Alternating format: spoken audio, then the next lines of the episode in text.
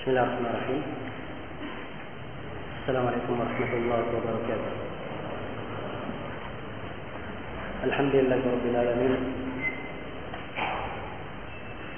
والصلاة والسلام على المبعوث رحمة للعالمين. نبينا محمد وعلى آله وصحبه ومن تبعهم بإحسان إلى يوم الدين. أما بعد. Setelah kita mendengarkan penjelasan uh, secara umum tafsir dari surah Al-Fatihah, maka di sini ada beberapa hukum-hukum yang penting untuk kita ketahui terkait dengan surah Al-Fatihah. Hukum yang pertama terkandung dari tiga ayat pertama dari surah Al-Fatihah Alhamdulillahirabbil alamin. Ar-Rahmanir Rahim Maliki Yaumiddin. Terdapat di dalamnya kewajiban untuk menetapkan kesempurnaan sifat bagi Allah Subhanahu wa taala dan mensucikan Allah Subhanahu wa taala dari segala kekurangan. Dan ini adalah metode yang ditempuh oleh umat Islam yang diterangkan di dalam Al-Quran dan Sunnah Rasulullah SAW dengan penjelasan-penjelasan yang beraneka ragam dan penekanan-penekanan yang sangat kuat bahwa setiap muslim dan muslimah wajib untuk menetapkan kesempurnaan sifat-sifat Allah Subhanahu wa taala dan meniadakan segala bentuk kekurangan dari sifat-sifatnya. Allah Subhanahu wa taala berfirman, "Laisa kamitslihi syai' wa huwa as-sami'ul basir."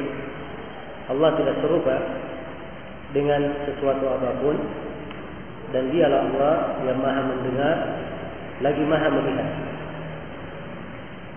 Allah nafikan dari dirinya segala bentuk keserupaan dengan sesuatu apa pun. Dan Allah tetapkan dialah Allah yang maha mendengar lagi maha melihat.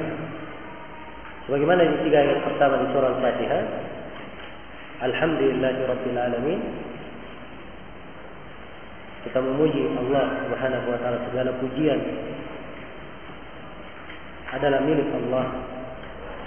Rabbil alamin. Ar-Rahmanir Rahim Maliki Yaumiddin Ini semuanya penetapan sifat kesempurnaan bagi Allah Subhanahu wa taala dan terkandung di dalamnya wajibnya kita membesarkan dan memuliakan Allah Subhanahu wa taala dari segala bentuk kekurangan. Oke. Kemudian di dalam surah ini juga terdapat penjelasan bahwa setiap dari manusia atau terdapat penetapan di dalamnya akan adanya kehidupan hari akhirat. Kehidupan hari akhirat. Allah berfirman, "Maliki yaumiddin." Ya. Dia yang menguasai hari pembalasan. Itu hari kiamat. Dan hari kiamat dinamakan dengan berbagai nama. Di dalam Al-Quran yang menggambarkan hakikatnya menggambarkan keadaannya sekaligus menggambarkan kengerian yang akan terjadi pada hari tersebut. Dia disebut sebagai hari kiamat dan kata kiamat artinya kebangkitan. Sebab setiap dari jin dan manusia akan dibangkitkan akan menghadap kepada Allah Subhanahu wa taala. Fis samawati wal ard illa atir rahmani abda laqad ahsahum wa addahum adda. Wa kulluhum atihi yawmal qiyamati farda. Tidak ada sesuatu apa pun di langit dan di bumi kecuali dia akan menghadap kepada Allah sebagai hamba. Sungguh Allah telah menghitung mereka dengan hitungan yang sangat detail dan semuanya akan menghadap kepada Allah dalam keadaan sendiri. Mempertanggungjawabkan amalannya. Ya. dan hari kiamat disebut juga dengan al-haqqah. Yaitu suatu hal yang pasti. Sebab setiap insan pasti akan dibangkitkan dan akan dihisab tidak ada satu amalan pun yang dia lakukan yang terlantar. Semuanya akan tercatat. Allah berfirman wa nada'ul al-mawazin al-mawazin al-qist fala tudlamu nafsun syai'a. Wa in kana mithqala habatin min khardalin atayna biha wa kafa bina hasibin. Dan kami meletakkan timbangan-timbangan keadilan maka tidak satu jiwa pun yang terzalim. Walaupun yang dia lakukan hanya sebesar darah, kami akan datangkan amalan tersebut dan cukuplah kami sebagai sebaik-baik yang menghisap. Iya. Dan hari kiamat disebut juga dengan hari At-Talaq, hari berjumpa. Ya. Pada hari itu semua manusia akan berkumpul di padang mahsyar. Dan semua manusia akan menghadap kepada Allah Subhanahu wa taala berjumpa dengannya. Itulah firman Allah Subhanahu wa taala liyunzira yaum at-talaq. Saya memberi peringatan kepada mereka kepada hari at-talaq. Hari perjumpaan. Yaumahum barizun. Hari mereka semuanya nampak. La yakhfa 'ala Allah minhum syai'. Tidak ada sedikit pun yang tersembunyi atas Allah. Ya. Kemudian Allah bertanya kepada mereka, "Limanil mulkul yawm?"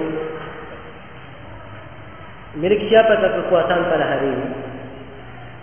Ya. Pertanyaan menghinakan manusia. Siapa saja yang merasa dirinya punya kekuasaan, kekuasaan umum maupun khusus, ya. semuanya tidak bermanfaat pada hari kiamat. Kemudian Allah menjawab dirinya sendiri. Lillahil wahidil qahhar. Kekuasaan itu milik Allah yang maha satu, lagi maha perkasa. Yawma tujza kullu nafsin bima kasabat la dhulma al-yawm. Inna Allah sari'ul hisab. Hari tatkala setiap jiwa akan diberi balasan sesuai dengan perbuatannya masing-masing. Tidak ada kezaliman pada hari itu. Sesungguhnya Allah Maha segera hisabnya. Sesungguhnya Allah Maha segera hisabnya. Iya. Dan hari kiamat disebut juga dengan Yaumut Tanad. Hari saling memanggil. Ya. Sebab setiap manusia akan memanggil siapa saja yang dia kenal, yang dia ingat. Namun tidak ada yang menjawabnya. Tidak ada yang menjawabnya. Hari itu tidak ada yang bisa memberi manfaat. Tidak teman dekat dan tidak boleh dan tidak pula ada penolong. Semuanya hanya mempertanggungjawabkan dirinya masing-masing. Makanya disebut sebagai yawmat tanad hari saling memanggil. Disebut juga dengan al-qari'ah. Ya. Disebut dengan al-qari'ah. Sebab pada hari itu, pada hari kiamat ini, manusia akan digoyahkan.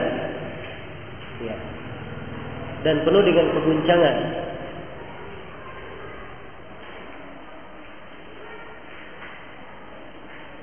dan disebut juga dengan nama Yomut Taghabun. Nah, Taghabun itu hari seorang merasa tertipu. Ya. Sebab dia merasa tertipu di dunia, kenapa dia tidak beramal? Pada hari kiamat dia melihat hakikatnya. Baru dia tahu. Ya. Dan penyesalan selalu datangnya di akhir. Setelah terjadi, barulah datang penyesalan. Dan tidak ada gunanya, sebab di dunia telah diingatkan akan pentingnya beramal dan amalan itu bermanfaat di dunia dan kehidupan dunia adalah amalan di akhirat kelak adalah kisah tidak ada amalan. Ini dari penamaan-penamaan hari kiamat dan banyak lagi penamaannya. Banyak lagi penamaan-penamaan hari kiamat. Yang menjelaskan bagaimana kengeriannya. Maka di ayat ini mari yaumiddin ini seakan-akan ditekankan dasar iman yang sangat penting di dalam diri hamba wajibnya dia beriman kepada hari akhirat. Jadi ada keimanan kepada Allah, ada rukun iman. Ada keimanan kepada hari kiamat, hari akhirat. Dan ada keimanan kepada takdir. Ini kita ambil dari Rabbil Alamin. Ya, sekarang keimanan kepada kitab-kitabnya, kepada para rasulnya, kepada para nabinya. Itu diambil dari ayat ihdinas siratal mustaqim siratal ladzina an'amta alaihim. Orang yang diberi nikmat siapa? Para nabi. Mereka para nabi, keimanan para rasul. Ya, diberi nikmat dan juga para malaikat dari orang yang diberi nikmat. Jadi surah ini mengumpulkan usul iman, pokok-pokok keimanan. Mengumpulkan pokok-pokok keimanan. Iya. Maka ketika seorang hamba membacanya di dalam salat, Maliki yaumiddin, Ya, apabila dia renungi, setiap manusia akan memperhitungkan segala gerak-geriknya di muka bumi ini. Ya, dan memperhitungkan apa saja yang dia laksanakan harus dia persiapkan jawabannya nanti setelah di kemudian hari. Ini dari fikih yang dipahami oleh as-salaf jarang yang memahaminya di akhir masa. Ya, di masa-masa ini. Ya, perhatikan dari fikih Ibnu Daqiqil Id rahimahullah taala beliau berkata ya ma amiltu min amalin illa a'dadtu lahu jawaban baina yadillahi azza wa jalla. Ya, kata beliau ma takallamtu bi kalimatin wa la amiltu bi amalin illa a'dadtu laha jawaban baina yadillahi azza wa jalla. Tidaklah saya berucap dengan sebuah ucapan dan tidaklah saya berbuat dengan sebuah perbuatan kecuali saya sudah siapkan jawabannya nanti kalau saya menghadap kepada Allah ini karena adanya kesadaran. Tapi orang yang tidak punya kesadaran, tidak ada kontrol dalam ucapan dan perbuatannya. Iya. Kemudian di dalam surah ini juga, tentunya saya sekarang meringkas ya pembahasan, tidak seluruh kandungan kita akan sebutkan mana-mana penting dan sebagaimana yang saya sebutkan di awal pelajaran bahwa ini surah ya, surah Al-Fatihah berhak untuk dibicarakan ya dalam apa perlu waktu yang lama untuk menjelaskan berbagai kandungannya. Dan ia karena wa ia karena nasta'in. Ia karena abudu kepadamu akan beribadah. Ya, terdapat di dalamnya kandungan hukum tentang wajibnya mengikuti syariat. Syariat para rasul. Sebab ibadah itu bukan dilakukan atas inisiatif sendiri-sendiri. Jadi dalam ayat dikatakan kepadamu lah kami beribadah. Kata kami, bukan saya beribadah, bukan nisbat kepada dirinya. Ya, kami beribadah ini menunjukkan dia adalah agama yang merupakan agama seluruh umat Islam. Ya, agama seluruh umat Islam. Ya, maka ibadah apa saja yang tidak dibangun di atas makna ini, maka dia adalah ibadah yang tertolak. Dan dimaklumi bahwa ibadah tidak diterima.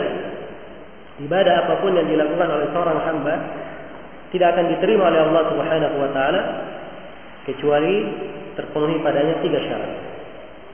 Syarat yang pertama, dia ikhlas dalam melakukan ibadah tersebut. Kemudian syarat yang kedua, ibadah tersebut dibangun di atas sunnah Rasulullah SAW. Kemudian syarat yang ketiga, pelaku ibadah tersebut adalah orang yang bertauhid. Adalah orang yang bertauhid. Adapun orang yang berbuat kesyirikan, maka kesyirikan itu membatalkan seluruh amalan dan tidak akan diterima amalan pelaku kesyirikan. Allah Subhanahu wa taala berfirman, "Wa laqad uhiya ilayka wa ila alladziina min qablik la in asyrakta la yahbatanna 'amaluka wa la takunanna minal khasirin." Sungguh telah diwahyukan kepada engkau Nabi Muhammad dan kepada para rasul sebelum engkau. Andai kata engkau berbuat kesyirikan, niscaya akan hancur seluruh amalanmu dan engkau akan menjadi orang yang merugi. Iya. Dan Allah Subhanahu wa taala berfirman, "Inna Allah la yaghfiru an yushraka bih." Sungguhnya Allah tidak mengampuni dosa kesyirikan. Iya. Maka ibadah disyaratkan atau pelaku ibadah harus orang yang bertauhid. Mungkin ada yang bertanya, apa perbedaan antara ikhlas dan pelaku ibadah harus bertauhid? Ya. Jawabannya orang yang bertauhid adalah orang yang ikhlas. Jelas ya? Tapi orang yang ikhlas belum tentu dia bertauhid. Ya. Tidak seluruh keadaannya dia bertauhid. Nah, ini mungkin saya bisa beri contoh. Dengan contoh akan lebih jelas. Ya. Ya, walaupun dimaklumi ya, kebanyakan para ulama mensyaratkan ibadah diterima dengan dua syarat. Untuk kebanyakan para ulama. Tapi saya sebutkan tiga, sebab ini lebih lengkap dan lebih detail. Saya satu contoh. Misalnya, ada seorang pelaku kesyirikan, penyembah kuburan. Dia datang sholat maghrib. Sholatnya ikhlas karena Allah. Salatnya sesuai dengan sunnah. Saya tanya, salatnya diterima atau tidak? Hah? Hah? Dia ada ikhlas sesuai dengan sunnah. Diterima atau tidak? Jawabannya tidak diterima sebab dia musyrik. Ya kan? Kalau begitu syarat yang ketiga penting di sini. Ya. Untuk dijelaskan. Baik. Jadi dari firman Allah, "Iyyaka na'budu kepadamu lah kami beribadah." Wa iyyaka nasta'in dan kepadamu lah kami memohon pertolongan. Ini manusia berputar antara dua hal. Ya. Dari uraian Imam Ibn Al-Qayyim rahimahullah ta'ala. Ya.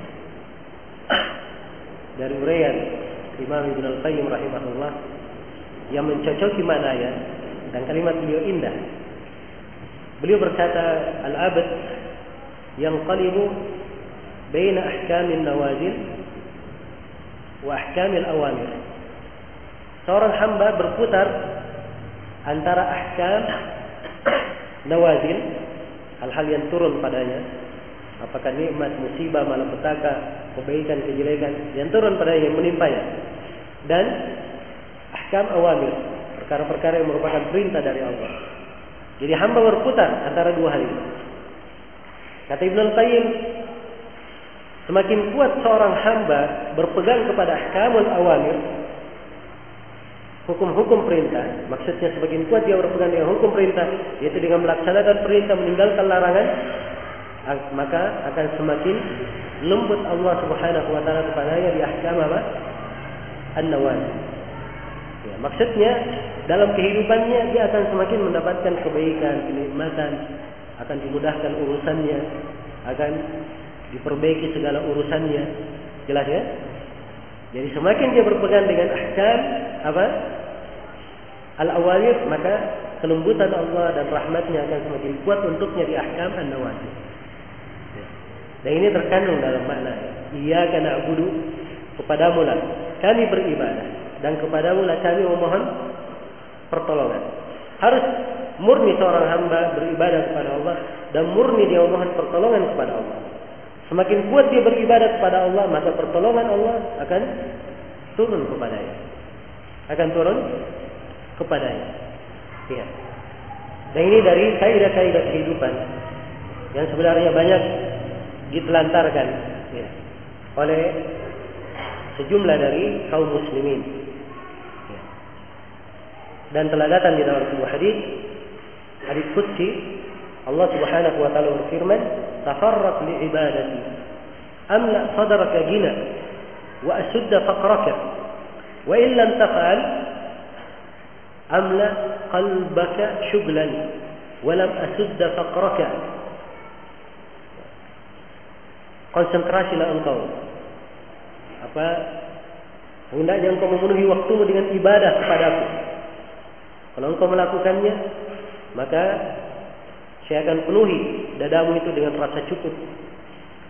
Dan saya akan menutupi kefakiranmu. Kalau tidak, saya akan penuhi dadamu dengan kesibukan.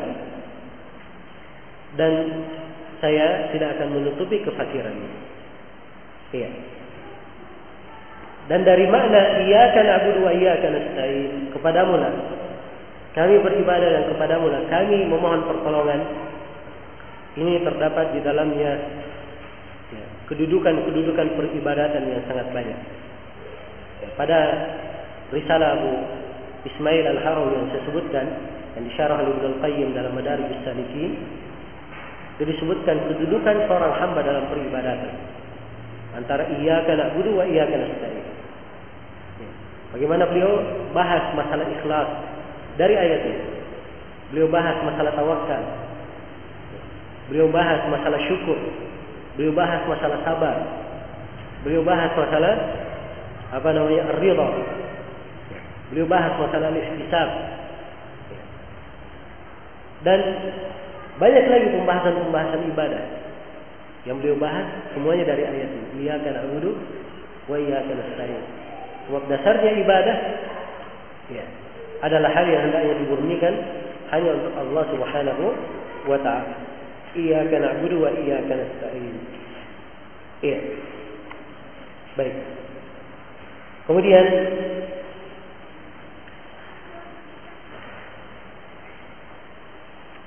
di ayat ihdinas siratal mustaqim Ya Allah tunjukilah kami as-siratal mustaqim.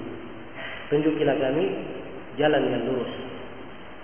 Ini memberikan kandungan hukum bahwa agama Islam adalah agama yang luas dan mencakup segala perkara yang diperlukan oleh manusia. Sebab kata sirat dari sisi bahasa telah saya terangkan, dia adalah jalan yang luas. Dan mustaqim adalah penekanan dari akhirat karena dia adalah jalan yang lurus tidak ada bengkoknya. Iya tidak bengkok, tidak lubang, adalah jalan yang enak untuk ditempuh. Inilah sifat dari agama. Sifat dari agama. Agama kita lengkap. Ya. Kemudian universal mencakup segala perkara yang diperlukan oleh manusia. Dan agama kita ini mencakup segala yang diperlukan oleh manusia di dunia untuk keperluan dunianya maupun keperluan akhiratnya. Sebab kita diperintah untuk memohon siratal mustaqim, jalan yang lurus. Dan siratal mustaqim ini tidak dibatasi di dalam masalah keagamaan saya. Ya. Karena agama kita menjamin rahmat untuk pemeluknya. Rahmat pada segala perkara. Pada urusan dunia maupun akhirat urusan dunia maupun akhirat. Iya. Tidak ada satu kebaikan pun bagi umat kecuali Nabi telah menunjukkan kebaikan itu. Dan tidak ada satu kejelekan pun yang berbahaya bagi umat kecuali Nabi telah memperingatkannya. Di dalam hadis Abdullah bin Amr bin As yang diriwayatkan oleh Imam Muslim, Rasulullah sallallahu alaihi wasallam bersabda, "Innahu lam yakun nabiyyun qabli إلا كان حقا عليه أن يدل أمته على خير ما يألمه لهم وينذرهم عن شر ما يألمه لهم Tidak ada satu nabi pun sebelumku kecuali wajib atas nabi tersebut untuk menjelaskan segala kebaikan yang dia ketahui bagi umatnya. Dan wajib atas nabi tersebut menjelaskan segala kejelekan yang berbahaya bagi umatnya. Iya. Jelas? Agama kita membuka segala perkara yang ada kemaslahatan bagi manusia. Sebab ini dasar agama. Agama itu kalau kita lihat kepada maksud utamanya dan dasar pensyariatan agama kita yang pertama dari pensyariatan-pensyariatan agama itu adalah untuk menjaga keagamaan seorang hamba. Kemudian yang kedua menjaga akalnya. Menjaga akal seorang hamba. Kemudian yang ketiga adalah menjaga kehormatan seorang hamba. Kemudian yang keempat adalah menjaga darah ya, seorang hamba. Kemudian yang kelima adalah menjaga hartanya. Ini lima perkara pokok dari pensyariatan agama semuanya kembali kepada penjagaan terhadap lima perkara. Kenapa diharamkan minum minuman keras? Hah? Terhadap apa? Akal manusia. Iya. Penjagaan terhadap akal. Ini disebut dengan maqasid syariah. Maka agama kita sangat sempurna. Segala perkara yang diperlukan ada di dalam agama dan ada tuntunannya. Ya. Karena itu dari kekeliruan Lalu mengatakan mempelajari agama itu adalah kemunduran. Ini dari bisikan syaitan. Ya. Dari bisikan syaitan dari kalangan jin dan manusia yang membisikkan seperti itu. Ya. Agama tidak pernah bertentangan dengan kemajuan. Bahkan di dalam agama didukung kemajuan itu. Fas'alu ahla dzikri in kuntum la ta'lamun. Bertanya kepada ahli dzikir kalau kalian tidak mengetahui. Saya tidak tahu diperintah untuk bertanya. Jelas ya? Ya. Dan Nabi SAW bersabda di dalam Sahih Muslim, "Antum a'lamu bi umuri dunyakum." Kalian yang lebih paham tentang perkara dunia kalian. Ya, Nabi membuka perkara dunia itu kalian lebih paham. Karena ini hadis punya sabab al-wurud. Nabi melewati sebagian sahabat yang melakukan talqi. Ya. Dia kawinkan antara korma, kalau korma supaya bisa berbuah. Maka Nabi berkata, barangkali lebih bagus kalian berbuat begini dan begini. Ya. Maka oleh para sahabat dilakukan. Setelah itu panennya tidak berhasil. Maka diadukan kepada Nabi Shallallahu Alaihi Wasallam. Maka Nabi berkata, "Antum a'lamu bi umuri dunia pun. Ya. Kalian lebih paham tentang perkara dunia kalian. Toh Nabi tidak memerintah, cuma beliau bilang barangkali. Ya. Bagus begini dan begini. Ya. Wajar seorang melihat, ya, dia berikan usulan misalnya. Jelas ya? Tapi beliau ketika berkata, kalian lebih paham perkara dunia kalian, ini adalah beliau membuka untuk para sahabatnya untuk berkembang. Seluas mungkin. Tapi perkembangan yang tidak mendatangkan bahaya. Sebab syariat menjaga lima perkara.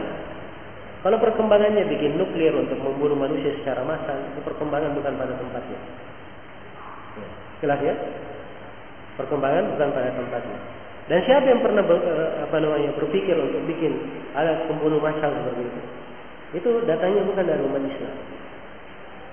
Bukan dari umat Islam. Di masa dahulu saja ada alat peran namanya manjadid benteng musuh misalnya dilempar pakai batu besar. Nah itu pertama asal datangnya ini, ini orang kafir yang mendatangkan seperti itu. Sebab mereka yang berpikir bagaimana cara membunuh manusia secara massal. Ya. pun umat Islam mereka tidak mengenal. Kalau begitu sudah terjadi, maka kadang seperti manjanik dipakai juga oleh umat Islam dari bab apa? Ya, menggunakan sesuatu yang sudah apa? Sudah masyhur dan melindungi diri dan melindungi diri. Jelas ya? Adapun mereka pencetus tidak. Itulah pentingnya bagaimana perkembangan harus didasari dengan apa? Didasari dengan ilmu agama. Ya, maka ini hendaknya diperhatikan. Dan permohonan seorang hamba ihdinas siratal mustaqim, tunjukilah kami jalan yang lurus. Ini menunjukkan bahwa agama kita mencakup ya, segala perkara. Baik. Kemudian dari kata ihdinas siratal mustaqim, siratal ladzina an'amta 'alaihim. Jalan orang-orang yang nikmat kepada mereka. Sini diterangkan bagaimana sirat al-mustaqim. Dan telah kita jelaskan ya bahwa sirat al-mustaqim ada dua, ada maknawi dan ada fisik. Ya, saya ingin menjelaskan bahwa sirat maknawi sifatnya maknawi ini dijelaskan sifatnya. Dia jalan yang lurus. Ingat ya, lurus. Katanya asirat. Arti jalan lurusnya cuma satu. Bukan dua, bukan tiga, bukan banyak. Ya. Kebenaran itu cuma apa? Cuma satu. Dan ini diterangkan di ayat yang lain seperti firman Allah Subhanahu wa taala, "Famada ba'da al-haqqi illa ad-dhalal." Apakah setelah kebenaran itu kecuali hanya kesesatan? Jadi hanya ada dua, kebenaran atau apa? Kesesatan. Iya. Demikian pula sirat, jalan yang lurus cuma satu. Jalan yang lurus cuma satu. Dan di penggunaan Al-Quran dan Hadis, penggambaran jalan yang lurus semuanya dengan kata tunggal. Tidak ada dalil yang menunjukkan dengan kata jamak. Tidak ada dalil yang menunjukkan dengan kata jamak. Kecuali pada firman Allah Subhanahu wa taala, "Walladzina jahadu fina lanahdiyannahum subulana." Orang-orang yang bersungguh-sungguh di jalan kami, kami akan tunjukkan kepadanya jalan-jalan kami. Jalan-jalan kami di sini bukan artinya sirat, tapi jalan maksudnya amalan-amalan dalam agama. Amalan-amalan dalam agama itu banyak, ketaatan itu banyak. Nah itu yang akan ditunjukkan. Ya, kalau dia bersungguh-sungguh sudah melakukan amalan, akan dibukakan lagi pintu amalan yang lainnya. Tapi kalau siratal mustaqim sendiri, agama itu sendiri, dia cuma satu. Agama cuma satu. Kebenaran cuma satu. Dan ini dari perkara yang hendaknya dipahami oleh setiap muslim dan muslimat. Karena itulah kewajiban seorang muslim dia kembali kepada sirat al-mustaqim. Dan sirat al-mustaqim ini diterangkan sifatnya. Tidak disebut orangnya siapa, tidak disebut dia dari golongan apa, dari partai apa, dari yayasan apa, tidak disebut. Tidak disebut warga negaranya apa, warna kulitnya apa. Tapi disebut dengan sifat, dengan karakter. Siapa yang bersifat dengan sifat tersebut, maka dia adalah orang yang berada di atas apa? As-sirat al-mustaqim. Iya. Ihdina as-sirat al-mustaqim, siratal ladzina an'amta 'alaihim, ghairil maghdubi 'alaihim waladdallin. Bukan jalan orang yang dimurkai dan bukan pula jalan orang-orang yang disesatkan. Iya. Ini menunjukkan bahwa agama itu hukum yang dipetik di sini bahwa agama kita adalah agama yang pertengahan. Tidak ekstrim dan tidak pula menyepelekan. Ya. Dia adalah agama yang berada di atas jalan yang lurus. Adapun ekstrim berlebihan, ini adalah perkara yang dicela di dalam agama. Perkara yang ter, tercela di dalam agama, dicela di tengah umat Islam ini. Dan dicela di umat-umat sebelumnya. Untuk umat Islam Allah firman kepada Rasulnya, Fastaqim kama umirta wa man taba ma'aka wa la tataghaw. Istiqamalah engkau Nabi Muhammad di atas apa yang engkau diperintah kepadanya dan jangan kalian melampaui batas. Demikian pula orang yang bertobat bersama engkau, hendaknya mereka istiqamah bersama dan jangan kalian melampaui batas. Dilarang melampaui batas. Dan Allah berfirman, "Ya ahlal kitab, la taghlu fi dinikum." Wahai ahlul kitab, jangan kalian ekstrim di dalam agama kalian. Dalam hadis Ibnu Abbas yang diriwayatkan oleh Imam Ahmad, Rasulullah SAW bersabda, "Iyyakum wal ghulu, fa inna ma ahlaka alladziina qablakum al-ghulu bid-din." Hati-hati kalian dari perbuatan ekstrim. Sesungguhnya yang membinasakan umat sebelum kalian adalah karena mereka ekstrim dalam agama. Dan banyak lagi dalil yang melarang tentang hal ini. Karena itu dalam setiap prinsip keagamaan hukum syariat kita kita diperintah untuk berada di atas jalur pertengahan. Tidak berlebihan dalam masalah apa pun. Ya. Bahkan dalam Al-Quran diberi contoh banyak masalah kita hendaknya pertengahan dalam membelanjakan harta misalnya. Ya, padahal seorang memiliki harta, ya, ia harus menggunakannya. Bersama dengan itu, kita diperintah untuk pertengahan. Ya, waladina yunfiquna amwalahum apa? Ayat di surah Al-Furqan. Ah, uh, waladina ila anfaqu lam yusrifu wa lam yaqturu wa kana baina dalika qawama. Sifat orang yang beriman kalau mereka berinfak lam yusrifu tidak berlebihan dan tidak juga menahan terlalu pikir. Tapi mereka berada di tengah-tengah.